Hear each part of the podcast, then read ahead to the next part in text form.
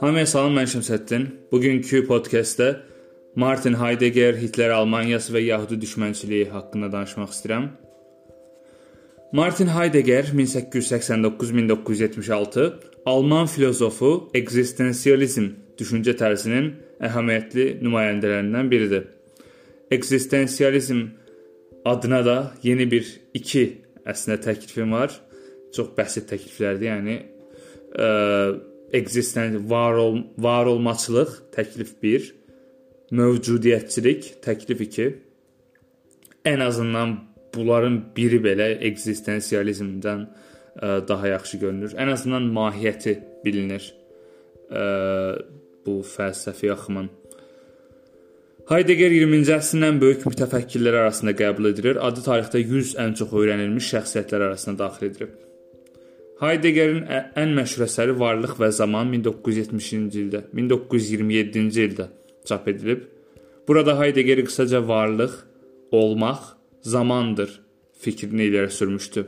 İnsan doğulduğu və öldüyü zaman aralığında olan bir varlıqdır. Varlıq zamandır və zaman sonludur. Bizim ölümümüz ilə sona çatır. Heidegger insanın bu həyata, dünyaya, varlığa atıldığını yəni öz istəyi xaricində yollandığını söyləyirdi. Bu əsər sonraları ekzistensializmin ən böyük fiqurlarından biri olacaq gənc Jean-Paul Sartre dərindən təsir etmişdi. Sartre ən məşhur əsərlərindən birini Varlıq və Heçlik adlandırmışdı. Məqalənin əsas mövzusu isə Heideggerin 3-cü Reich, Hitler Almaniyası ilə olan əlaqəsidir. Adolf Hitler 1933-cü ilin yanvarın 30-da Almaniya kansleri seçildi. Həmin ilin aprel ayının 21-də isə Martin Heidegger Freiburg Universitetinin rektoru təyin edildi. Sabiq rektor Möllendorf nasizmin tələb etdiyi antisemit, yəni yəhudi düşməni posterləri universitetdə nümayiş etməyi rədd etdiyi üçün vəzifədən istifadə istifa etməyə məcbur edilmişdi.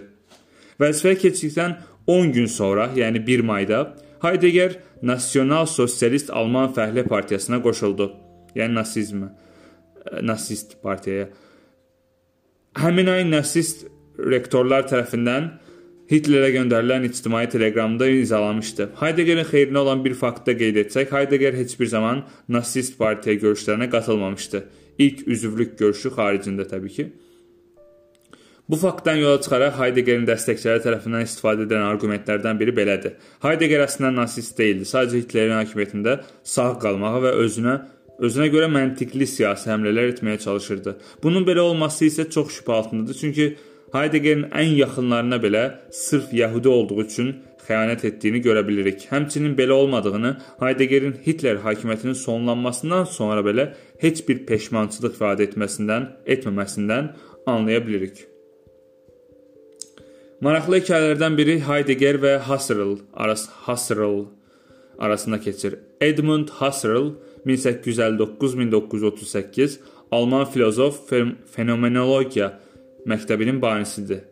Heideggerin professor olan Husserl gənc Heideggerə çox dəstək göstərmişdi. Lakin Husserl yəhudi idi. Yəhudi olmaq üçün yanlış yerdə, yanlış zamanda, yanlış insanların əhatəsində idi. Heidegger rektorluğa rəsmi olaraq başlamadan bir həftə əvvəl Husserl universitetdən qovuldu. Beləliklə bu işdə Heideggerin adı təmiz qaldı. Heidegger Husserl ilə olan bütün əlaqəsini kəsdi. Husserl universitetin kitabxanasından istifadə etməkdən də məhrum buraxılmışdı. 1938-ci ildə Husserl vəfat edəndə Heidegger köhnə mentorunun cənazəsinə kremasiya, yəni yandırılaraq öldürülmə, öldürüləndən sonra yandırılaraq küllərə ayrılma deyim cənazəsinə getmədi. Varlıq və Zaman adlı əsərində Hasırla təşəkkür etsə də, bu onun ölümündən çox sonraları idi. Yəni Hasırın ölümündən. Onsuz da sonradan nəşriyyatçının təzyiqi ilə həmin ithaf siyasından Hasırın adı çıxarıldı, lakin kitabın ortalarında səhifə 38-də dipnot olaraq qalmışdı.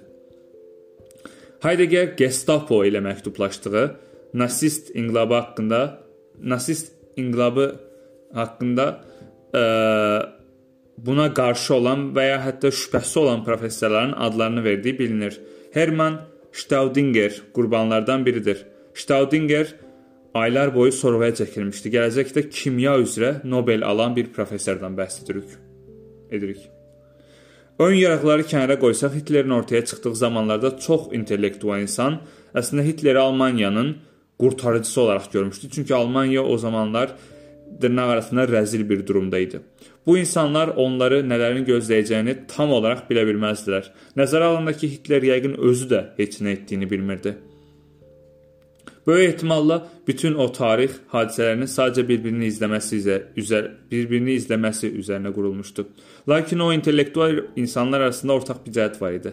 Yahudi düşməni, Yahudi düşmənliyi mövzusunun axmaqlığı, Alman ziyalılarının çətin vəziyyətə düşmüş Yahudi dostlarını və ya hətta tanımadığı yüzlərcə insanları qurtardığı hekayələri hamımız bilirik. Çox insanın Heideggeri bağışlaya bilməməsinin əsas səbəbi budur nasist partiyaya üzv olması deyil, onun həqiqətən də Yahudi düşməni bir insan olması idi.